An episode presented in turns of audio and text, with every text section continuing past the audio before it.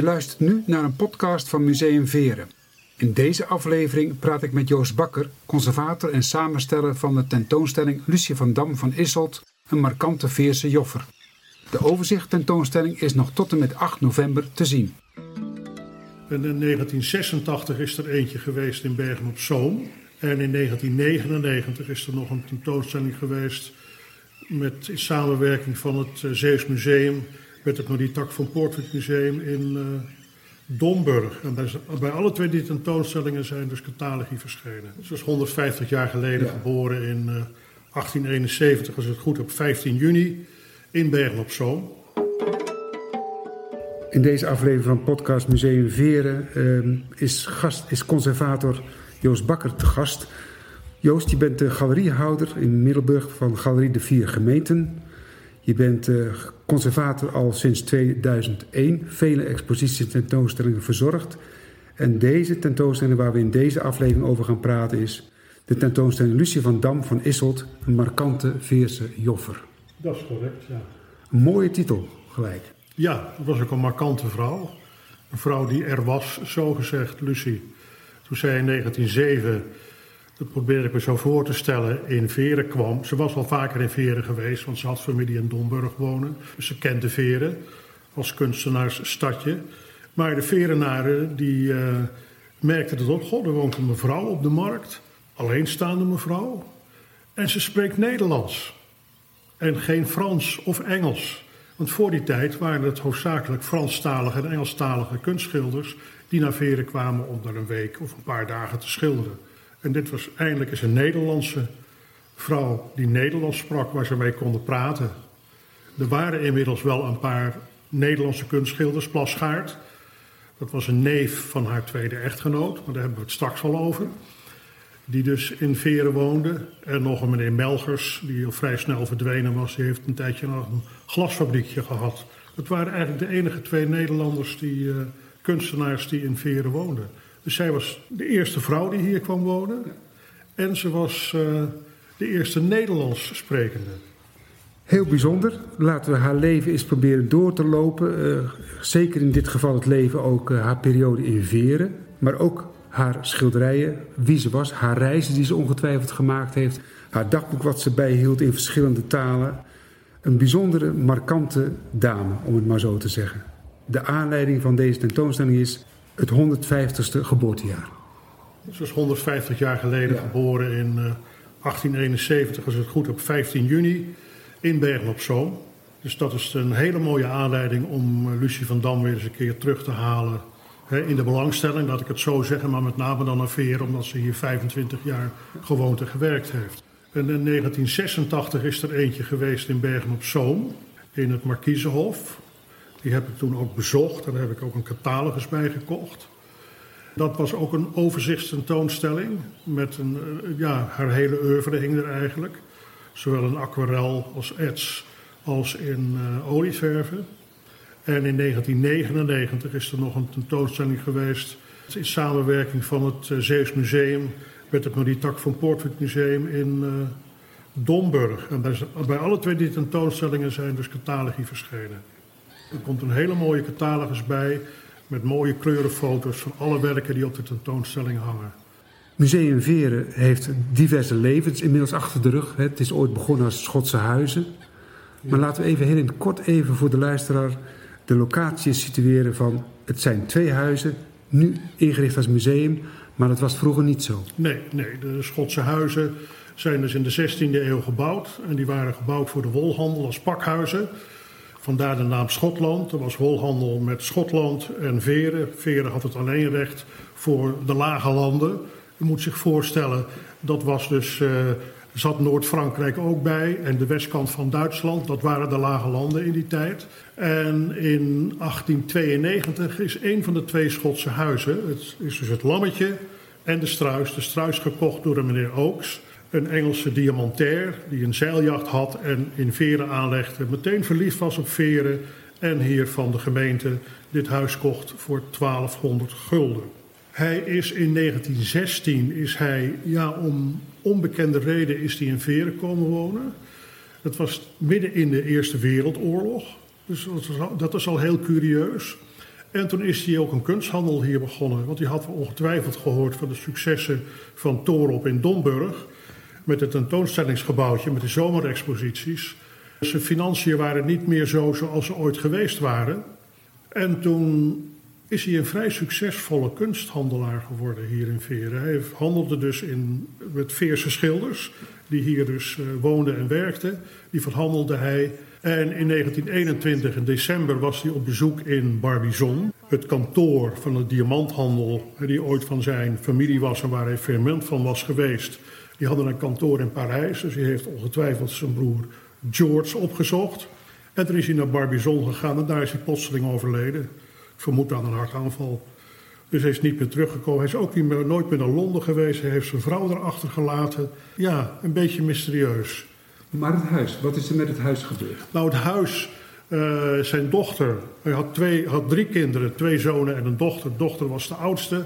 Dat was echt een vaderskind, Alma Francis Oakes. En later is de naam wat verengelst. In Ox is Oaks geworden. Die uh, kwam vanaf 1916 de vader helpen in de zomerperiode om uh, de winkel te runnen, hè, de kunsthandel. En in de winter ging ze terug naar Londen, naar haar moeder die daar woonde. En zo is dat heen en weer gegaan. In 21 is zij overleden. In 28 heeft zij officieel pas, dus zeven jaar later, ook zo merkwaardig, heeft ze officieel dus de struis gekregen uit de boedel van haar vader. Het lammetje was erbij gehuurd, want het lammetje was van het Rijk. Die twee huizen werden toen eigenlijk één grote kunsthandel. En uh, zij had met name op de bovenverdieping ja, een beetje museaalachtige kunsthandel. En dat is gegroeid tot aan de Tweede Wereldoorlog. September 39 is de Tweede Wereldoorlog uitgebroken. Augustus 39 is zij eigenlijk plotseling vertrokken uit Veren, een beetje overhaast. Alles achterlatend. En zij uh, had dus uh, iemand in Veren aangewezen als haar zaakwaarnemer, de meneer Smit. En die heeft voor de spullen gezorgd, de hele Tweede Wereldoorlog eigenlijk. En na de Tweede Wereldoorlog heeft ze de struis aan de Staat der Nederlanden geschonken. En in 1950 is daar dus uh, Museum de Schotse Huizen, wat nu Museum Veren heet, uit voortgekomen. Tot op de dag van vandaag. Tot op de dag van vandaag, ja. Had ze daar nog speciale wensen in uh, van wat er precies wel of niet mocht? Ja, het was dus, ze had op voorwaarde uh, de struis geschonken aan de staat dat er altijd een museale functie zou zijn. Dat was uh, de voorwaarde. Er is een wetje voor gemaakt zelfs, voor die schenking, toen de tijd. Dat is eigenlijk naderhand ook, een jaar of tien geleden zaten we met de eerste financiële crisis zwaar in de problemen. En het is eigenlijk onze redding geweest dat het is blijven bestaan. Dat wetje. We zullen straks uh, iets dieper inzoomen op die tentoonstelling zelf. Maar even over jou, want in 2001 werd jij conservator, of raakte jij betrokken bij tentoonstellingen ja. hier bij het museum. Dat is best een mooi verhaal. Waarom ik, ik had inmiddels vijf jaar een kunsthandeltje. Ik werkte nog als loods op de Westerschelde. En in mijn vrije tijd bestierde ik die kunsthandel. Mijn verzameling was volledig uit de hand gelopen. En uh, op die manier kon ik, het, uh, kon ik wat dingen verkopen. Ik had een basis om een kunsthandel te beginnen, laat ik het zo zeggen. In 2001 kocht ik met een paar collega's een enorme hoeveelheid grafiek van Rudolf Schoenberg. Schoenberg was een Nederlandse jongen, geboren in Brussel, opgeleid aan de academie daar. En die heeft heel veel grafiek gemaakt. Was een uitstekende zeiler, had een zeiljacht en zeilde door half Europa in die tijd, met name ook naar Veren. Hij heeft tientallen etsen van Veren gemaakt. En het was eigenlijk zo uniek om die collectie bij, bijna helemaal compleet bij elkaar te hebben dat we besloten hebben om te vragen of we in de Schotse Huizen, toen nog Museum de Schotse Huizen, een tentoonstelling mochten houden. Nou, dat is dus ook gebeurd. Er hingen dus een stuk of veertig etsen en wat olieverfwerken van die Rudolf Schoenberg. En zo is het gekomen eigenlijk. En sindsdien ben ik regelmatig gevraagd. Van 2004 tot 2012 heb ik in het bestuur gezeten, acht jaar. Ik maakte twee, drie tentoonstellingen per jaar voor uh, het museum hier. Er zat toen ook het stadhuis bij. Het stadhuis is toen verbouwd. Dat viel weer af, maar inmiddels zit het stadhuis er weer bij. Dus we hebben twee locaties en dat heet nu Museum Veren. En nou praten we nog steeds in coronatijd. We hopen binnenkort toch open te gaan. Want er komt weer een nieuwe tentoonstellingsreeks aan. En met een nieuwe museumdirecteur sinds kort, Veronica Frenks, ja. die weer een nieuw plan heeft gemaakt. Welke richting gaat het museum nu op? Of blijft het telkens dezelfde koers varen met een lichte aanpassing? Nou, ik denk dat het dezelfde koers blijft varen met een lichte aanpassing. want uh, in mijn tijd als bestuurslid ook, sommige tentoonstellingen die kwamen uit de lucht vallen, zo gezegd. En die waren zo leuk om te doen, dat een andere werd dan weer uitgesteld. Je had wel een programma, maar af en toe moet je toch flexibel zijn. En uh, dat zal Veronica ook zijn in haar nieuwe functie. Is dat zo? Uh, je zegt uit de lucht vallen. Moet er opeens een aanleiding zijn? Ja, soms komt er uh, ineens iemand langs in mijn winkel of je krijgt een mail tegenwoordig met wat foto's van meneer, is dat wat? En inderdaad, zo heb ik een uh, leuke tentoonstelling gemaakt van meneer Jan de Munk, een kunstschilder uit Kruiningen. Nou, wie zou er nou denken dat er in Kruiningen een kunstschilder heeft gewoond? Midden in Zuid-Beveland. Maar die man heeft prachtige dingen geschilderd, ook in Veren. Daar hebben we toen een hele leuke voorjaarstentoonstelling van gemaakt. Maar dat komt ineens op je pad. Want er was een familielid van hem die verzamelde oom Jan. En die had een prachtige collectie bij elkaar. Dus die kon je meenemen, die kon je ophangen en er een mooi verhaal bij maken. Nou leg ik even de woorden misschien van de directeur Veronica Frenks in jouw mond. Maar wat is nou het beleid sinds zij is aangetreden vorig jaar uh, om tentoonstellingen dus te houden? Zijn het ook twee of drie? Is er een vaste collectie? Wordt die veranderd? Ja, het is in die zin een beetje veranderd. De tentoonstellingen duren langer nu. In mijn tijd was dat uh, drie, drie, vier maanden. Want je moet toch bruiklenen van mensen proberen te krijgen. En die zijn dan drie, vier maanden dus een, een belangrijk schilderij kwijt... wat boven de hang, bank hing of in de woonkamer op een prominente plek. En die is dan kaal. De meeste tentoonstellingen duren nu zes, zeven maanden.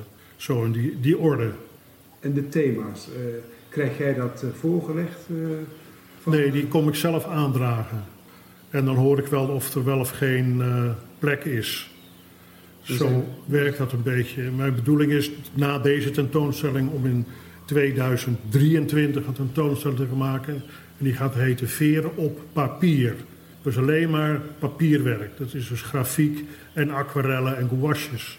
Nou is deze tentoonstelling Lucie van Dam van Isselt een markante Veerse Joffer een grote overzicht tentoonstelling. Ja. Je gebruikt dus vele ruimtes van het museum, denk ik. Ja, nou alleen maar de ruimte dus uh, op de eerste verdieping van het Lammetje en van de Struis. En beneden ook in de, in de kamer van de salon, heet die van Alma Oaks.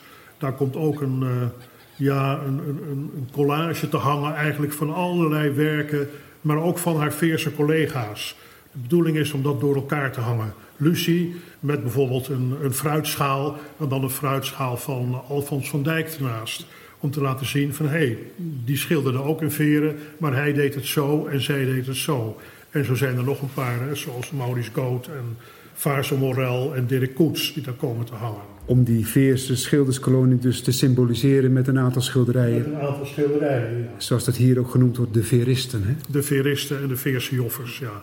Maar waarom nou juist Lucie van Dam als aftrap dit jaar? Uh, nou ja, dat is dus vanwege die 150ste geboortejaar. Want eigenlijk hadden we de tentoonstelling die er nu hangt, die over Alma Ooks gaat, dus de oprichter eigenlijk, hè, via haar vader van Museum Veren, hadden we door willen laten gaan. Maar ja, je bent maar één keer 150 jaar geleden geboren. En dat kan, kan niet 151 zijn, bij wijze van spreken. Dus het moest? Dus het moest eigenlijk dit jaar. Hoe begin je aan zo'n zoektocht? Oh, dat is, dat is eigenlijk ook vanzelf. Dat groeit vaak vanzelf. Je komt op een idee of je krijgt een idee of iemand komt langs. In dit geval dus de achterkleindochter van Lucie, Karen Ecker, die mij een mailtje stuurde en een mailtje naar, uh, naar Museum Veren. En dat was weer vanwege een programma op Omroep Zeeland. Een klein item over kunst met een interview erbij. En nou, Karen is hier gekomen in Veren. Het regende pijpenstelen die dag. En je moet je voorstellen, de dag ervoor was het stralend en de dag daarna was het ook stralend. Dus we hebben door Veren gelopen in de regen. We zijn geïnterviewd en dat is dan een interview van vijf, zes minuten. Maar dat was heel erg leuk, dus het contact was gelegd. En uh, Karin had een jaar daarvoor is ze begonnen met een website over haar groot, werk van haar overgrootmoeder. Wij zijn toen uh, daarop voortgaan borduren. En goh, ja, ze is 150 jaar geleden geboren. In 2021 is dat een aanleiding. En misschien kunnen we ook wat in Den Haag doen, in het Mesdagmuseum bijvoorbeeld. Maar ja, die hebben een planning van vijf, zes jaar. En daar kom je echt niet tussen. Die zijn niet flexibel. Of het, uh, wat heet het tegenwoordig, het Kunstmuseum. Het voormalige gemeentemuseum in Den Haag. Die ook een collectie Lucies heeft. Maar daar viel niks te bereiken. Maar toen jij in contact kwam met die Karen Ecker. Was dat al gelijk de klik om haar ook uh, mee te nemen in, dus in het project als gastconservator? Nee, nee, nee. Dat project moest nog komen. Dat was de aanleiding voor het project, laat ik het zo zeggen. Nou, Karen wist een hoop schilderijen te zitten. Op de website stonden er al, die mensen hadden haar ooit benaderd. Voelde zij zich een beetje de hoedster van, het, van de kunst van, uh, van Lucie? Ja, zo langzamerhand wel. Ja, ze is echt de hoedster geworden. Maar blijft het alleen bij de kunst die zij dan bewaakt? Is het ook het, het hele kunstenaarschap, ook de dagboeken en dergelijke? Ja, dat hoort natuurlijk alles bij het onderzoek en dergelijke. Van, uh, want ze heeft natuurlijk de grootmo overgrootmoeder nooit gekend. Ze heeft dus wel de verhalen in de familie gehoord. En die verhalen zijn er en die worden opgeschreven. Uh, Lucie hield ook dagboeken bij, hoewel die vaak in, uh, Frans of in het Spaans waren. Nou, er is een familielid die wil het Spaanse deel wel vertalen. Van wat ze allemaal opgeschreven heeft en waar ze geweest is. Dus er is veel documentatie. Gastenboeken van Lucie, die ook prachtig zijn werkelijk. Er komen dus ook dagboeken te liggen uh, en gastenboeken van Lucie. Hoe die eruit zien in een vitrine. Ja, dat wordt gewoon een hele, wordt een hele interessante expositie. Want het was ook een hele interessante vrouw. Zeer bereisd. Daar wil ik straks iets meer over zeggen. Maar even over die, die, die inrichting van zijn tentoonstelling. Even, even uit de ogen van een conservator. Ik heb ergens gelezen dat, dat er inmiddels meer dan 500 werken van Lucie bekend zijn. En er zullen er nog wel meer zijn dat kun je lang niet ophangen. Dus hoe, hoe ga jij selecteren? Ja, ja inderdaad. We hebben dus, uh, het was mijn idee om een overzicht te van een hele oeuvre, van wat ze gedaan heeft. Want je kan natuurlijk een, uh, een hele expositie maken met alleen maar bloemstillevens. Of alleen maar stillevens. Of alleen maar uh, reisaquarellen, bij wijze van spreken. Maar het is veel leuker om te laten zien haar ontwikkeling als kunstenaar. En wat ze allemaal gedaan heeft. En dat kan je dus ook heel mooi zien. Er hangt grafiek, er hangen hele mooie reisaquarellen, vind ik. Die ze in plaats van foto's maakte zij dus aquarellen onderweg. En uh, daarnaast hangen er dus de bloemstillevens. Daarin kan je weer onderscheiden haar duizend schonen. Dat was een van haar lievelingsbloemen. En de meizoentjes, de madeliefjes die ze elk jaar schilderde. Dus er komen ook composities van te hangen. Dan heb je een heel plan opgezet en wil je alles aan bod laten komen om die ontwikkeling goed tot, tot de uiting te zien ja. komen. Maar dan heb je ook op een gegeven moment een, een onderdeel uh, gekozen, voorwerpen. Er komt onder andere een wieg te staan voor uh, een van de neefjes of nichtjes die ze geschilderd heeft aan alle kanten. Nou, de wieg aan zich is natuurlijk, heeft niet veel waarde. Maar die panelen die erop zitten, nou, die zijn inmiddels onbetaalbaar geworden. We horen het carillon hier van het stadhuis uh, hier, omdat wij hier nog steeds in de opkamer zitten van het museum Veren. Ja, dat is de oude kamer, oude zitkamer van Alma Oaks. En er is een gezegde, in Veren zinkt de tijd. Elk half uur hoor je dus het carillon. Dat kon dus niet missen. Uh, maar dan heb je een plan, samen met Karen Ecker als gastconservator, of moet je die dan nog benaderen? Dat gaat eigenlijk vanzelf. Nou leg je contact met het bestuur en die voelen er ook wel wat voor. Het past wel in het, in het schema wat ze hebben. Uh, iets anders moet misschien even verschoven worden een jaar. Dat is allemaal wel te doen. Ja, en toen kwam corona ertussen natuurlijk. Ja, want je bent begonnen voordat corona uitbrak. Ja. Toen had je al het idee om die, deze tentoonstelling... Om deze te gaan maken, ja. Dus dat was wel even een streep door de rekening. Maar goed, alles loopt, als het zo gaat als het nu gaat, loopt allemaal goed af. Nu heb je wel een, uh, een eigen collectie, een aantal schilderijen in je bezit van Lucie van Dam. Lang niet genoeg om die ontwikkeling hier zichtbaar te maken. Dus er zullen overal uit privécollecties en uit musea misschien werken moeten worden verworven. Ja. Is dat allemaal gelukt? Dat is allemaal gelukt, ja. Is dat niet het moeilijkste om te selecteren? Ja, dat is heel lastig. Alles is eigenlijk mooi, laat ik het zo zeggen. Maar het kan gewoon niet. Dus je moet toch knopen doorhakken. En wat zijn die knopen? Wat zijn dan die criteria? Zijn dat persoonlijke criteria of zijn dat dingen, momenten in haar leven die ja, je dan ook zichtbaar wil maken? ook in schilderijen. Om bepaalde... Het is bijvoorbeeld een schilderij met een, uh, een, een bord erop, met zo'n gouden randje. Zo'n mooi porseleinen eetbord. En daar heeft diverse composities op gemaakt. Het is leuk om die borden naast elkaar te hangen. Dan denk je, hé, hey, het is hetzelfde bord. En ze heeft het steeds anders ingericht, het bord. En dat heeft ze weer geschilderd. En straks ook voor educatie met de kinderen van de lagere middelbare school die komen. En dan heb je een, altijd een speurtocht bij. met vragen en antwoorden. En dan is dat heel leuk om die kinderen attent te maken van heb je dat gezien, dat bord? Daar hangt bijvoorbeeld een schilderij tussen van Lucie en daar staat een portretje op van haarzelf in een spiegel. Dat zijn van die dingen, want het is altijd eerst zien van een schilderij en dan ga je kijken. En het leren kijken, dat is belangrijk. Het leren kijken. En, en dat kun je al met kinderen kun je daar al mee beginnen. Daar kan je met kinderen mee beginnen. Ja. Dat doe je zelf ook? Je, je verzorgt zelf ook die rondleidingen van die, van die schoolgroepen? Nee, dat doe ik niet. Er zijn twee uh, alleraardigste dames voor die daarin uh, opgeleid zijn. Het enige wat ik doe is misschien wel eens een lezing geven over Lucie. Voor groepen. Verder inzoomend op haar werk ook en op haar leven. Haar werk allereerst. In het voorwoord van uh, Veronica Franks heeft het over de urf. Ja, de urf is een, een heel gek mythologisch wezentje. Het is een porseleinen beeldje wat regelmatig voorkomt op haar schilderijen. Die ze in composities zetten, zetten ze de urf er ook bij. Daar had ze blijkbaar wat mee. Een beetje, ik denk, als ik het zie, zo Amsterdamse school. Ik weet niet wie het gemaakt heeft. Dat heb ik ook nog niet gehoord, wie het gemaakt heeft. Maar het is gewoon een klein porseleinen beeldje van een centimeter of 15, 20 hoog. Maar het urfje is wel zoek, heb ik begrepen. Men weet, niemand weet waar het urfje gebleven is. Het is kennelijk verdwenen op een of andere manier. Ja. Haar werk, stillevens, bloemen, portretten, schilderijen over veren, topografisch, grafieken, tekeningen. Uh, alles is aanwezig hier in het museum. Dan denk ik bij mezelf, wat deed ze het liefste? Is daar achter te komen? Of was ze zo breed ge, gefocust dat ze, dat ze alles kon? Ja, ze kon een hoop, maar ze heeft ook een hoop niet meer gedaan op een gegeven moment. Ze heeft in die beginperiode in Veren heeft ze grafiek gemaakt. Ze is speciaal naar Lyon geweest. Naar meneer Morisot, een bekende graficus in Frankrijk. Om daar te leren etsen en lito's te maken. Nou, dat heeft ze een tijdje gedaan toen ze terug was in Veren.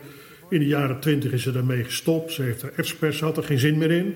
Ze wilde wat anders. Ze heeft in die beginperiode ook veel gezichten op Veren geschilderd. In de, in de straatjes, de grote kerk, het stadhuis etc. Naderhand is ze hertrouwd met een meneer Plasgaard. En met hem heeft ze een reis gemaakt in, ik meen in 1911. Een paar maanden na Italië is ze in Florence gekomen. En daar heeft ze een beroemde schilderij van Titiaan, Flora, gezien. En deze wat rossige vrouw, die heeft een tuiltje bloemen in haar handen. En toen ze dat zag, zo wil het verhaal, zo heeft ze dat zelf ook verteld en opgeschreven van toen ze dat zag, van daar moet ik me toe beperken. Tot kleine schilderijtjes van bloemen. En vanaf die tijd is ze eigenlijk veel meer bloemen gaan schilderen. En tussendoor schilderde ze waarschijnlijk voor haar plezier ook wel weer eens een landschap en met name stadsgezicht. Ja, dat blijkt wel uit haar productie, hè, dat ze zoveel geschilderd heeft uiteindelijk. Ja, ik heb geen idee, maar 1500, 2000 schilderijen, denk ik dat het totaal wel is. Ik kwam ook tegen in haar levensbeschrijving dus dat ze nogal een bescheiden iemand was. Dan denk ik bij mezelf, klopt dat wel? Want het was een markant iemand die haar mannetje stond. Ja. Ze kon goed vertellen, hè. ze had een, een gave om de verhalen goed te vertellen. Maar was ze dan bescheiden over, over, over wat? Over haar kunst? Nou, nee, ze was uh, gewoon. Ik neem aan dat ze dat van huis uit, wat haar opvoeding betreft, bescheidenheid, dat het een deugd is. Maar het verhaal wil, dat vertel ik ook wel op mijn lezingen over de Veerse Joffers, is dat uh, Lucie was in de voorkamer, was ze de schilderes Lucie van Dam. En in haar zitkamer, de achterkamer van haar huis op de, op de kaaien in Veren, was ze mevrouw van Dam van Isselt. Dus er waren twee Lucies. Mevrouw van Dam van Isselt en de kunstenaar Lucie van Dam. Zo moet je het een beetje zien.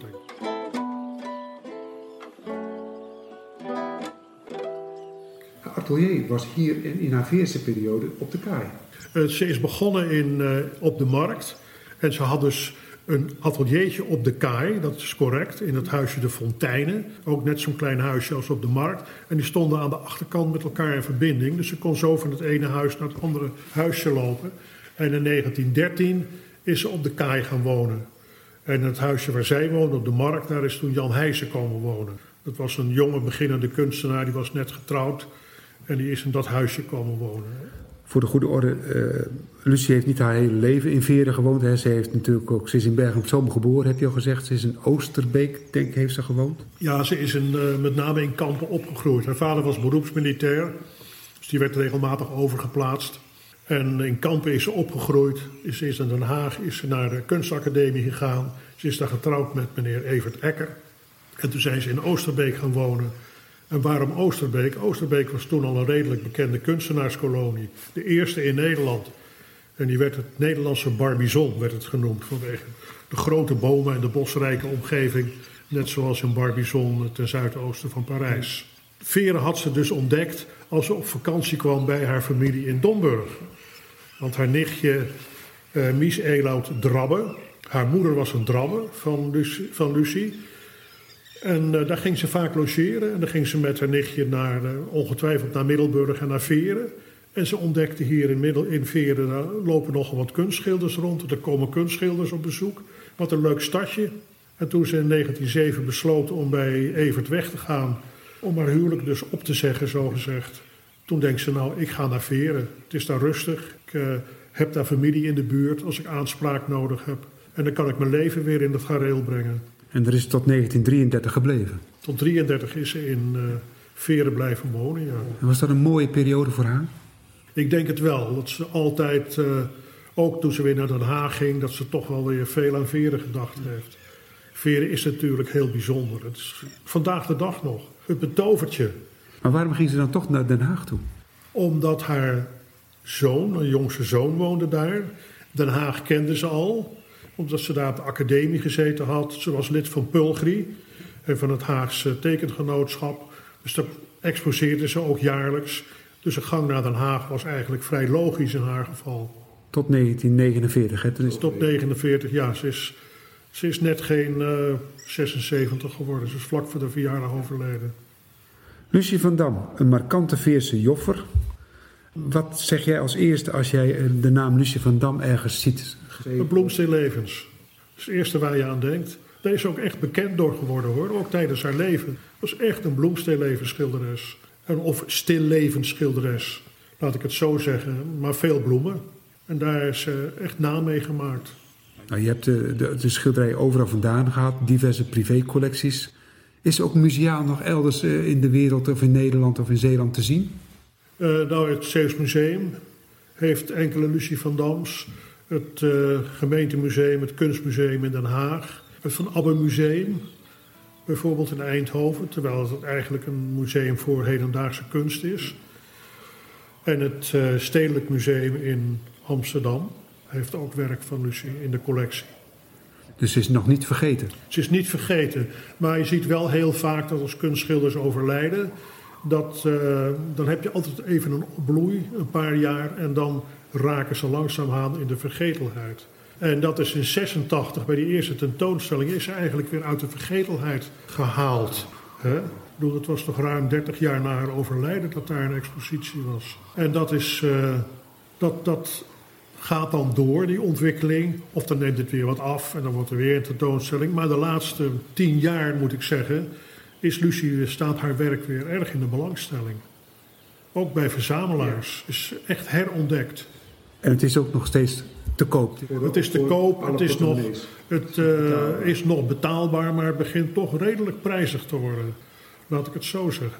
De tentoonstelling is uh, nog tot 7 november te zien hier ja. in Museum Schotse Huizen. Ja, je hebt al een nieuwe tentoonstelling aangekondigd, denk ik. Ze moeten vooral komen. Joost, conservator en ook namens uh, Karen Ecker, de gastconservator, bedankt voor het samenstellen van, dit, van deze prachtige tentoonstelling en voor dit gesprek hier aan tafel in de kamer, woonkamer van Alma Ooks in Veren. Welkom, graag gedaan en kom vooral op bezoek in Museum Veren.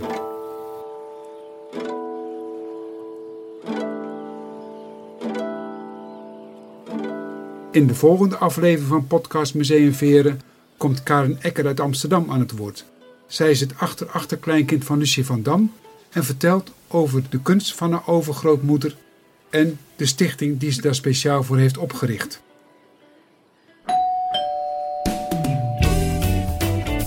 Dit is een productie van Rietveld Media Podcast.